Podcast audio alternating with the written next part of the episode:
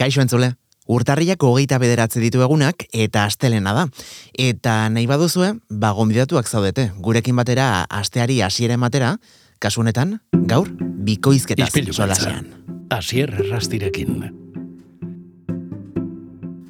Babai, ondo entzun duzue, gaur bikoizketa zarituko gara solasean, gurera pertsona oso berezi bat gonbidatu dugulako.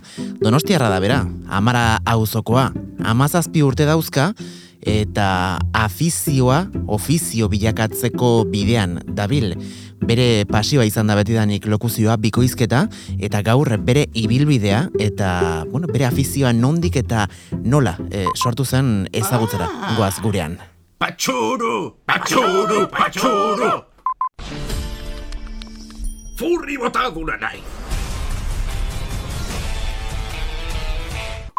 Cacazarra mokzekoa. Los hombres, los hombres no se ponen zarcillo. Ole, hileginda. Eso, Harry.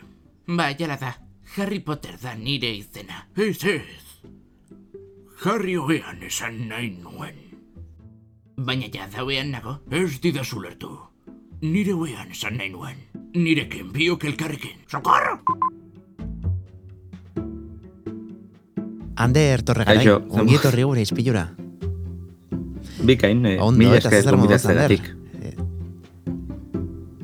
Bueno, ez ez, mila esker zuri egiten duzun lanagatik. Agian, Ander Torregarai esan da, jende gutxik eh, jakingo du nortzaren eh, izan ere, zure lanak beste izen, ez izen eh, artistiko batekin Bai, bueno, saretan ezta? Spiderman der de- deitzen naiz. Eta, bueno, e, bai, bikoizketak eta ekotze ditut, igual horregatik ezagutuko hau jendeak, bueno, que ez da ere ez naiz oso ezaguna, baino, bai, Spiderman der naiz saretan.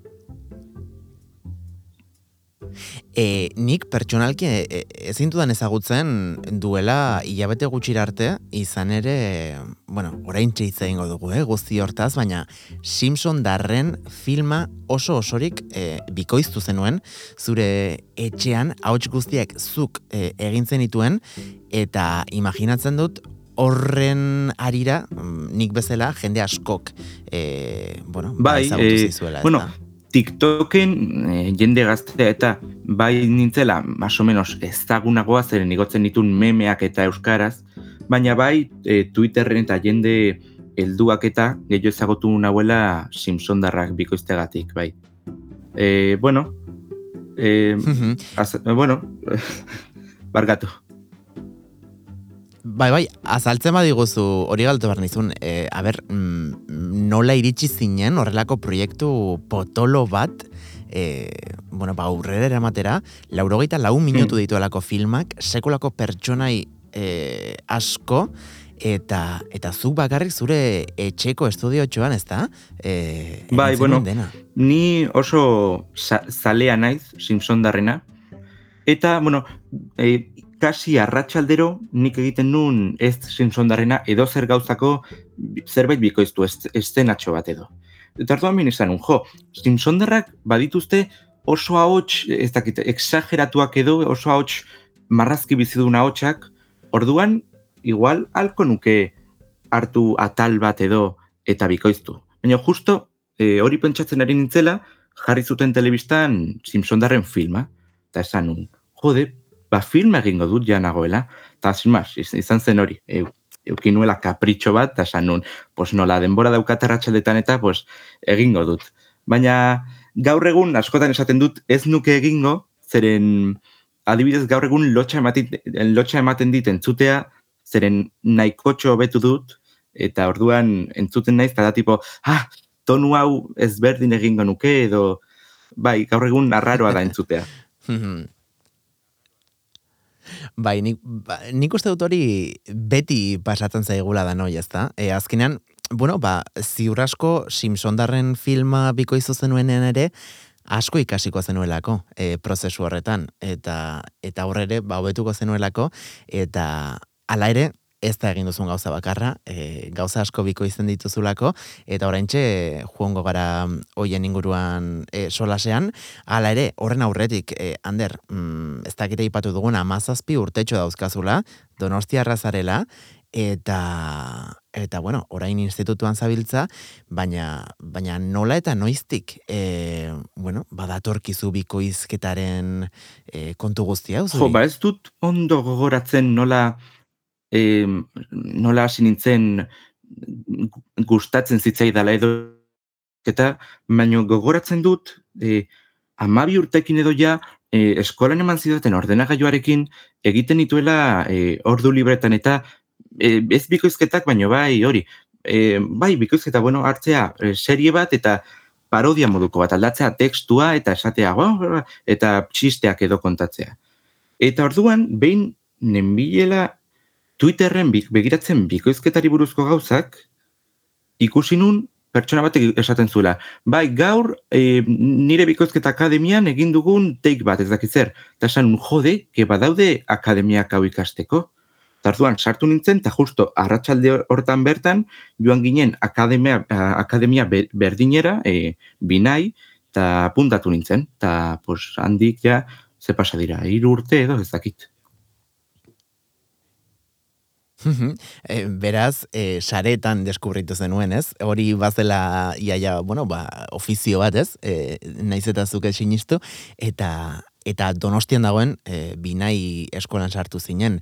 E, bertan, e, bueno, zuzenean bikoizketa ikasten hasi zinen edo, edo no, bai, ni, prozesua? E, bikoizketara puntatu nintzen, E, baina han badaude, kasi, e, gauza asko daude, badako e, interpretazioa eta, probatu nun interpretazioa, baina e, hola fisikoa, e, interpretazio, e, irudi interpretazioa lotxa ematen zidan, zeren zen nola ez dakit mm jende aurrean eta orduan utzi nun, eta orain ere egiten ari naiz bikoizketa musikala. E, bueno, betidanik e, ni oso gaizkia abesten dut, baina betidanik euki dut gogoa besteko orduan eta apuntatu naiz ere.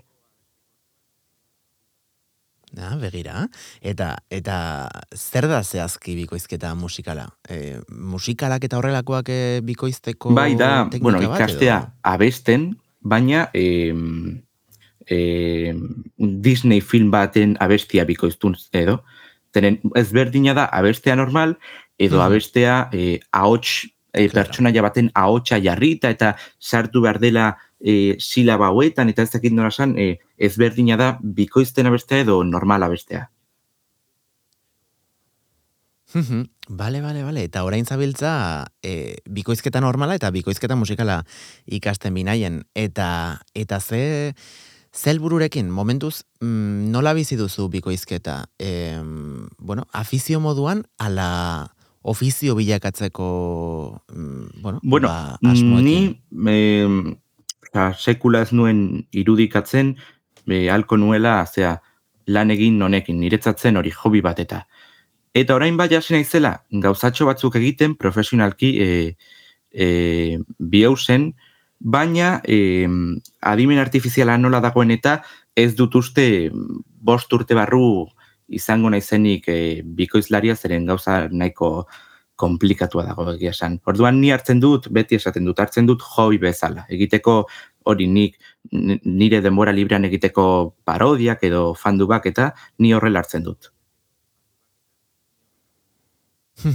Eh, beraz, momentuz nahiko ezkorra zara, ez? Ez oso optimista. E, ez, hombre, gustatu, gustatuko litzaidake, baina mm, ez dut, hori, ez dut neure buruan, bai, hau izango da nire ogibidea eta, ez, niretzat hobi bat da.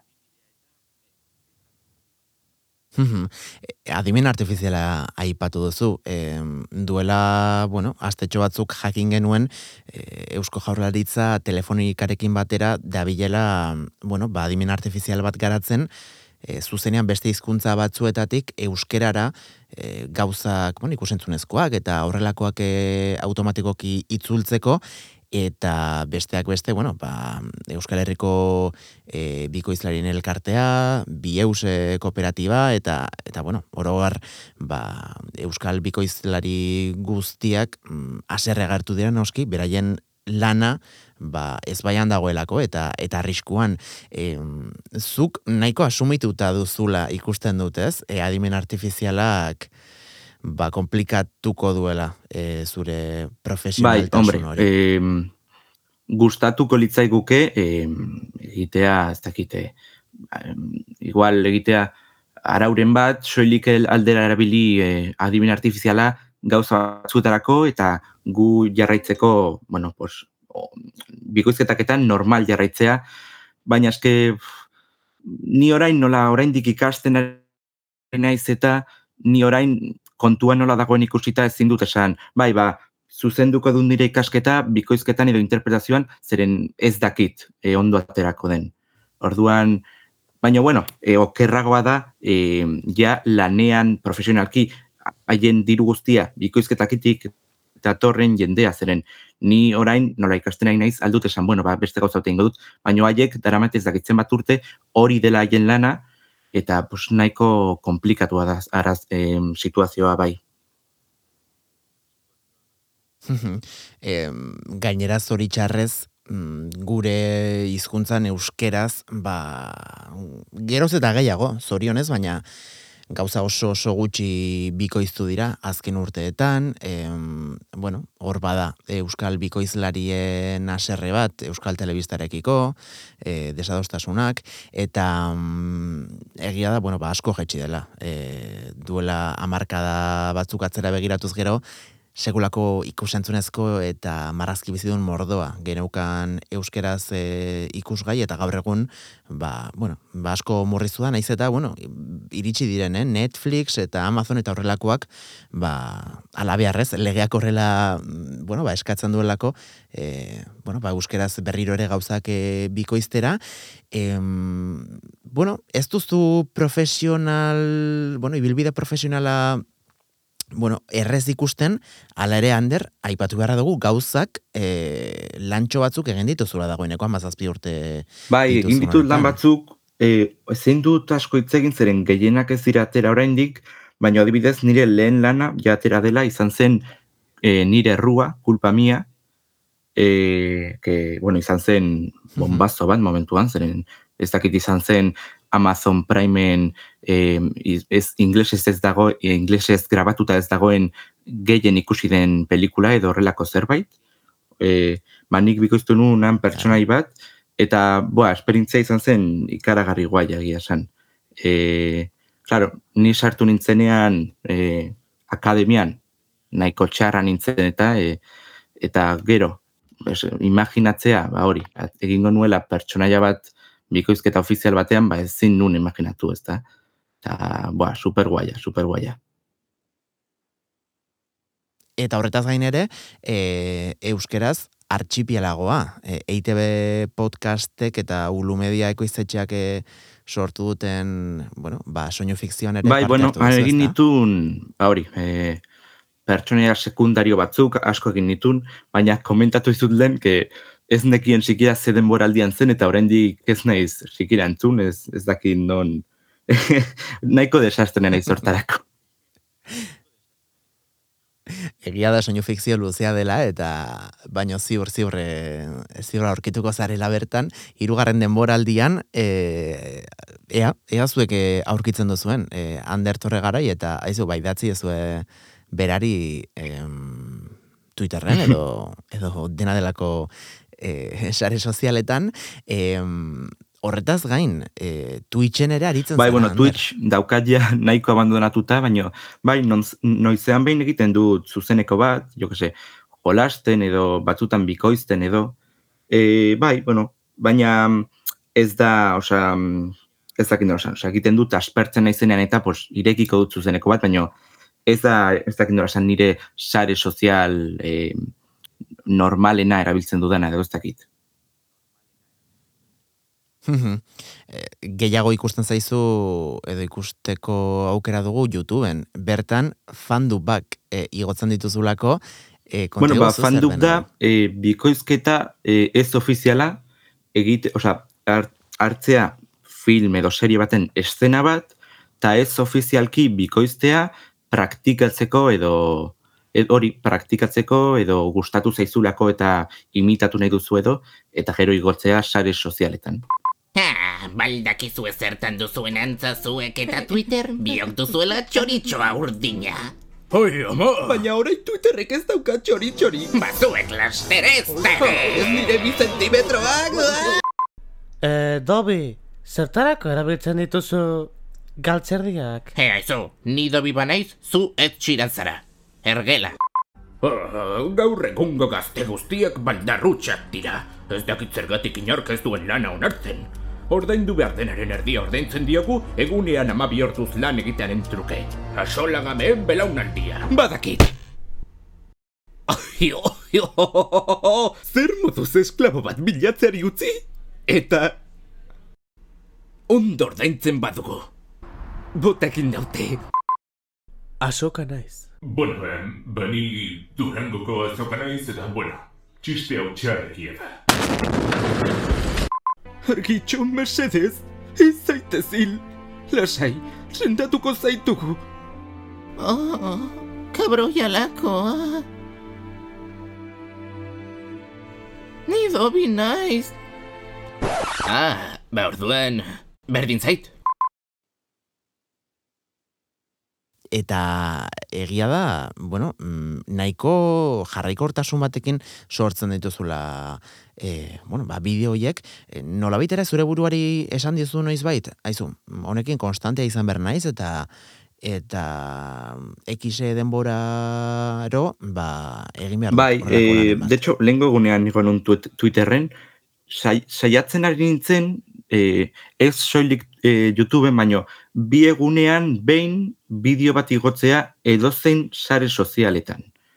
E, gauza da, bueno, ezin izan dudalekin, e, nahiko lana zen, eta orduan orain saiatzen ari naiz astean behin, astean igotzea. Hori da orain saiatzen ari naizera. Mhm, Claro, eh, azkenean hogeita mar segunduko bikoizketa batean eh, guk bideo hori eh, errex ikusten dugu, baina horren atzean sekulako lana dago. Eh, nola izaten da zure prozesua horrelako bideo bat eh, sortzen? Bueno, badaude bi bideo mota. Baditut fandom normalak, direla, bueno, ba hori, nago ikusten serie edo filme bat, eta esate dut, ui, bai ez dena ona, eta gainera soilik mutilak agertzen dira, orduan nik bakarrik egin dezaket, edo neska bat agertzen bada, ba lagunen batekin edo hitz egiten dut, eta orduan da hori, e, serie bat ikustea edo, ikusten dut estena bat, eta bikoiztea eta ez dakit. Segun zein den e, e, zenbat irauten duen, ba igual mm, ordu erdi edo aldut tardatu bikoizten edo. Eta gero baditut beste bideo mota bat direla parodiak, bikoizketa parodiak. Eta horiek ja dira nahiko lana dute zeren da e, ikustea zerbait, e, ikustean mm, egitea gidoi bat txistekin eta gero igual batzutan badago edizioa, e, irudi, irudian edizioa edo, eta hori ja igual asteak dira editatzen. Mhm. Eta Simpson darren film osoa bikoizteko kasuan, zenba denbora eh, tarratu Ez zenuen? dut ondo gogoratzen, baina esango nuke hiru aste edo izan zirela arratsaldero arra, batzutan igual ordu erdi eta beste batzutan bi ordu edo.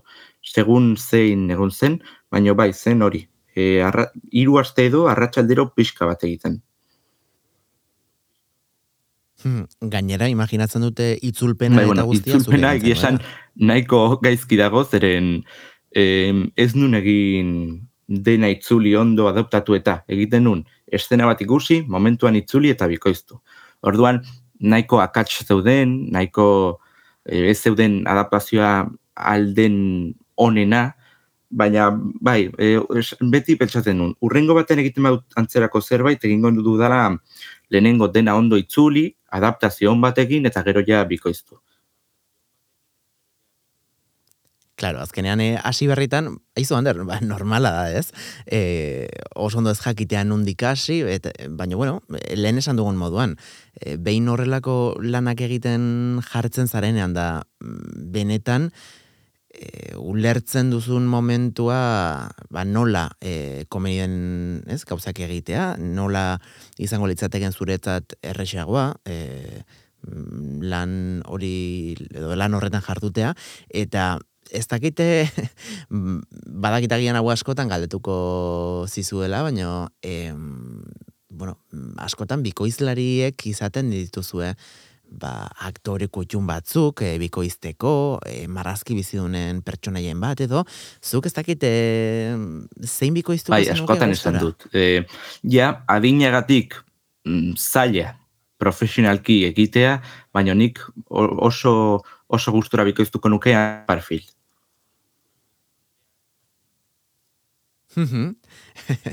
Eta, eta, em, claro, hor ere, em, ik- ikusi ahal izan dugu zure bideoetan, eta eta nahi duenak eh, salseatu dezake zure sare sozialetan, mm, adinaren kontua, claro, zure eta mutilen kasuan areta gehiago, em, ahotsa Mm. eraldatuz dijoa. Baina imaginatzen dut binaien eta horrelako eskoletan ere erregistro ezberdinak ez, e, eta pertsona ezberdinak antzezten ikasiko duzuela eta mm, nik adibidez, e, bueno, lan egiten dudan ekoiztetxean e, askotan pasa izan zait ikustea emakume helduak e, aurren papelak egiten. E, zuk ez dakite, bueno, mm, ondo moldatzen zaren adibidez, ba, helduen papelak egiten, aurrenak, hau da, zure adinekoak ez diren Hombre, pertsonaienak. Mm, niri askotan esan didate, e, nire hautsa e, ondo, ondo geratzen zaiola, hombre, igual, iruro gehiez, baino berrogei edo hogeita mazerbait urteko jendeari. Esaten didate askotan. Baina, bueno, nik ez dut ikusten. Baina, hori, e, eske da, segun pertsona. E, am, adina, e, barkatu, ahotsak nire ustez ez dute adina. Hau da, per, pertsona bat, hogei urte baditu, baina bere hautsa oso potentea bada, ba igual aldu bikoiztu oso heldua den pertsona bat edo. Eta egia da, bos, edo badago jendea, e, hogeita mar urtekin egiten dituela oso gaztetxoak edo. hori azkenean bai norberaren, ez? E, abilezia eta bueno, eta eta norberaren hautsaren timbraren araberako izango da eta ziur mm, konbentzituta nago Ander, e, elkartuko galer, e, garela egingo dugula topo berriro ere e, arrakasta izango duzulako mundu honetan, e, ez dakit, zerbaitek eh, baietz esaten dit, eta eta bien bitartean, e, pantalla hundian, e, bueno, ba ikusi artezu, ba pantalla txiken ikusko zaitugu, mugikorrean, e, ordenagailuan, e, sare sozialetan, toki guztietan, e, Ander Parker edo Spiderman derrei pinita, ba hortxe azaltzen zarelako, eta izu gure entzule guztiak gomidatuko ditugu, ba TikTokera, YouTubera, Twitchera, e, Twitterera, mm, ba bueno, zure edukiak e, ikustera, eta jo, benetan, Ander, ba, ba eskerrik asko gaurkoan ispilu beltzara gerturatzeagatik, e, plazera handia izan da zurekin solastea, eta ea laizter estreinuren baten aitzakian berriro ere Bikain, mila esker.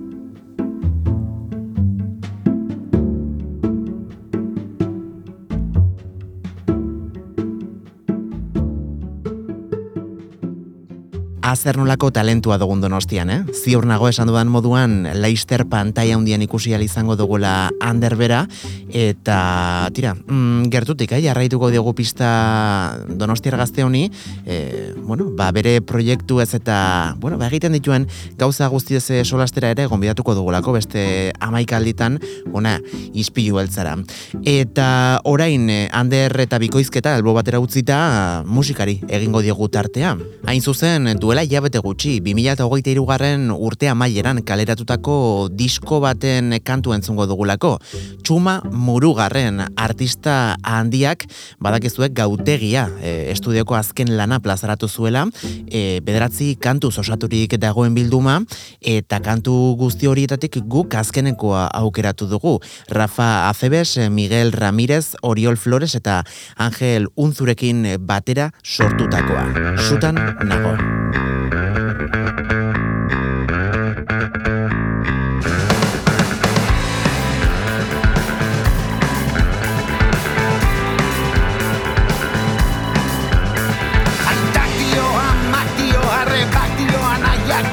Osabak dio, izebak dio, jaian mundu guztiak dio, zutan nago. Lastan zutan nago. Zabiak dio, txerriak dio, epailek benizkadunak dio, dio azeriak erdiak dio, eta mojak ere alaxe dio, zutan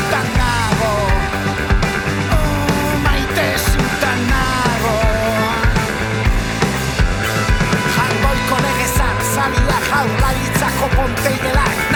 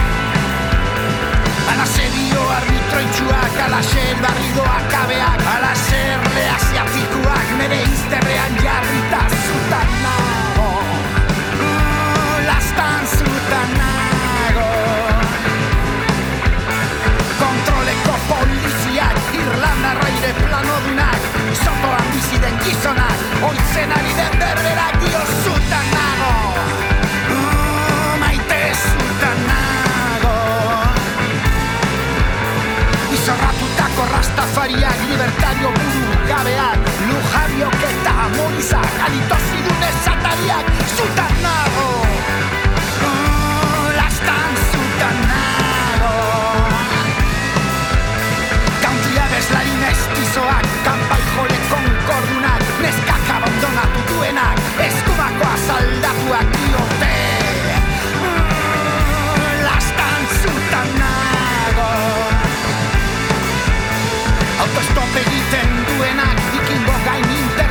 estatuak errodeoko bizonak, estimal zarbaka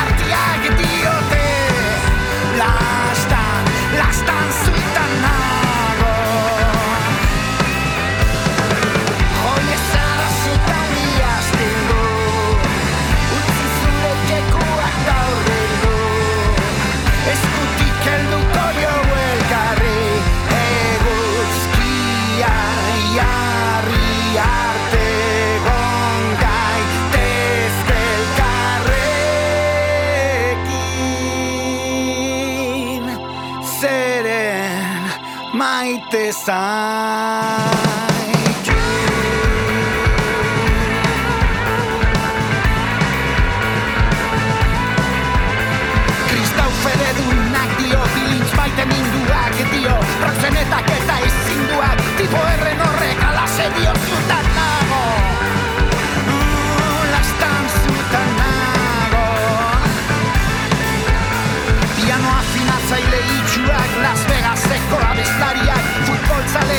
zelariak Eskuan zerbeza duela bi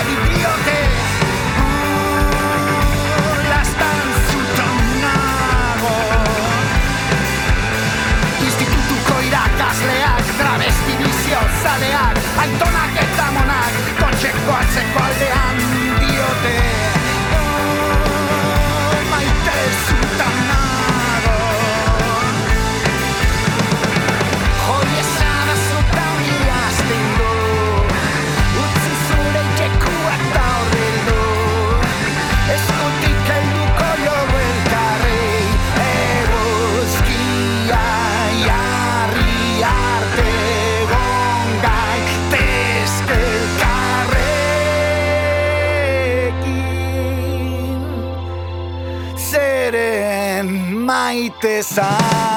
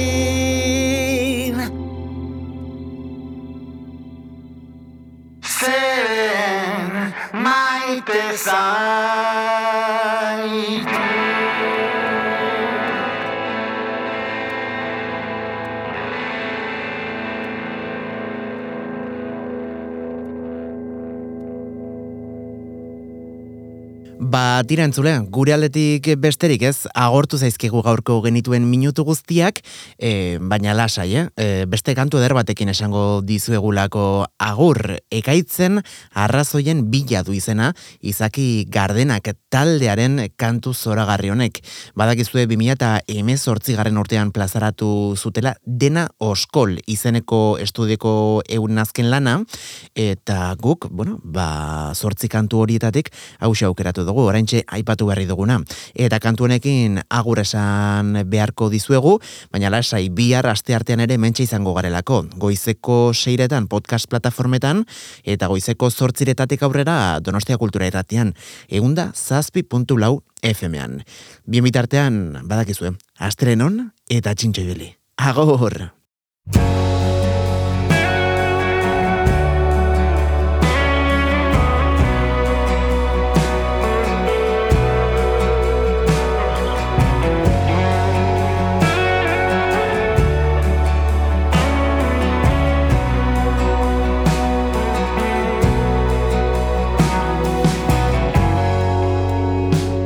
Oinordetzan jaso aldugu Sorgor gaituen Asola gabekeria